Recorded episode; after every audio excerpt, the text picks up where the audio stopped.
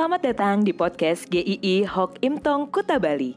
Penginjil Ray Reginaldi akan membagikan renungan harian singkat untuk membawa Anda mengenal dan menyembah Tuhan Yesus, bertumbuh dan menjadi murid Kristus, serta berdampak untuk banyak orang. Jika Anda merasa diberkati melalui renungan ini, silahkan bagikan podcast ini agar orang lain juga diberkati. Inilah renungan hari ini.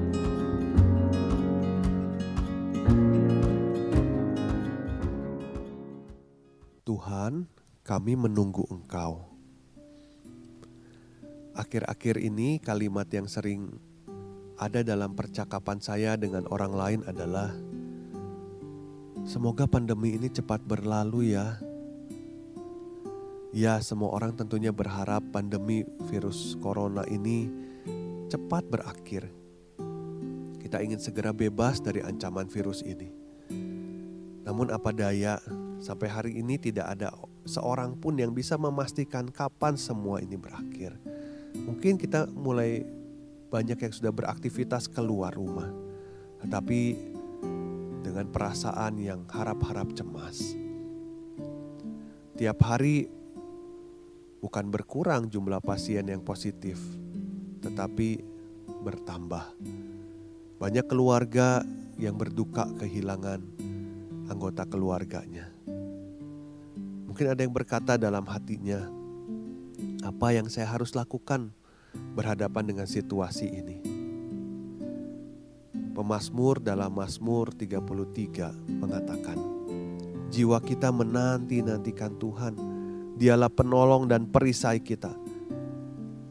Bukan hanya satu pribadi, tetapi banyak orang yang menanti-nantikan Tuhan juga saat itu.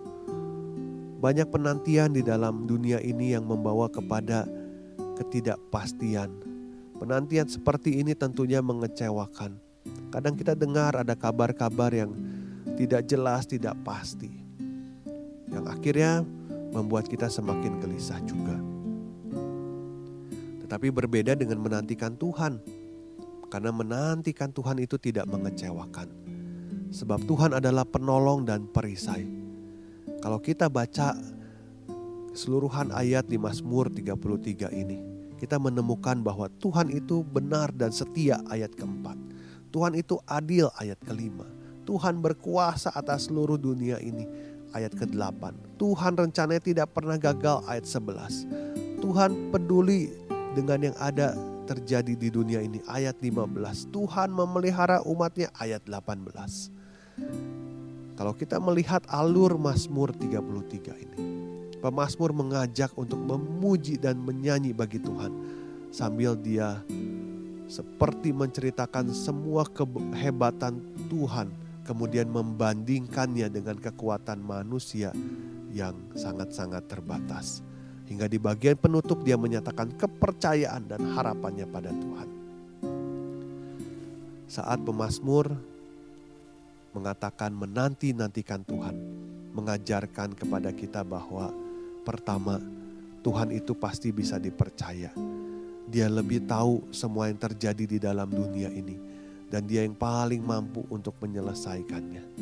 Satu kalimat yang saya baca dari sebuah buku mengatakan, Tuhan tidak pernah mengizinkan yang tidak perlu terjadi, atau segala yang Tuhan izinkan terjadi memang perlu menurut Tuhan. Jadi kita menantikan Tuhan karena kita percaya kepada Dia. Kedua, waktu Tuhan pasti terbaik. Di dalam Alkitab ada orang-orang yang harus menantikan dalam pergumulan-pergumulannya dalam waktu yang lama. Ada yang berpuluh tahun, ada yang berbelas tahun tetapi akhirnya mereka menerima apa yang dijanjikan itu. Puncaknya di mana? Ketika orang menanti-nantikan sang juru selamat. Dinantikan berabad-abad lamanya. Tetapi Tuhan Yesus datang. Dia lahir ke dalam dunia di waktu yang paling tepat, di era yang paling pas. Dan dia datang atas segala penantian itu untuk menyelesaikan yang terbaik untuk kita. Dia bukan setengah-setengah menjadi juru selamat, dia menjadi juru selamat sejati, menyelamatkan kita orang berdosa. Namun sering kali dari sisi manusia kita suka berpikir rasanya kalau lebih cepat lebih baik ya. Tidak selalu yang lebih cepat itu pasti lebih baik. Menurut Tuhan tidak selalu lebih cepat itu pasti lebih baik. Tuhan dalam hikmat yang tak terselami itu selalu punya waktu yang pas. Tidak terlalu lambat, tidak terlalu cepat. Bukan yang penting bukan kapannya itu. Tetapi yang penting juga adalah proses masa penantian bersama Tuhan. Pasti ada hal yang indah di sana. Kita sering mendengar atau mengucapkannya. Saya percaya waktu Tuhan pasti yang terbaik. Mari kita percayakan itu di dalam situasi seperti ini. Waktu Tuhan pasti terbaik. Bukan hanya terbaik, tetapi sempurna. Tidak ada yang lebih baik dari waktunya Tuhan. Tidak ada.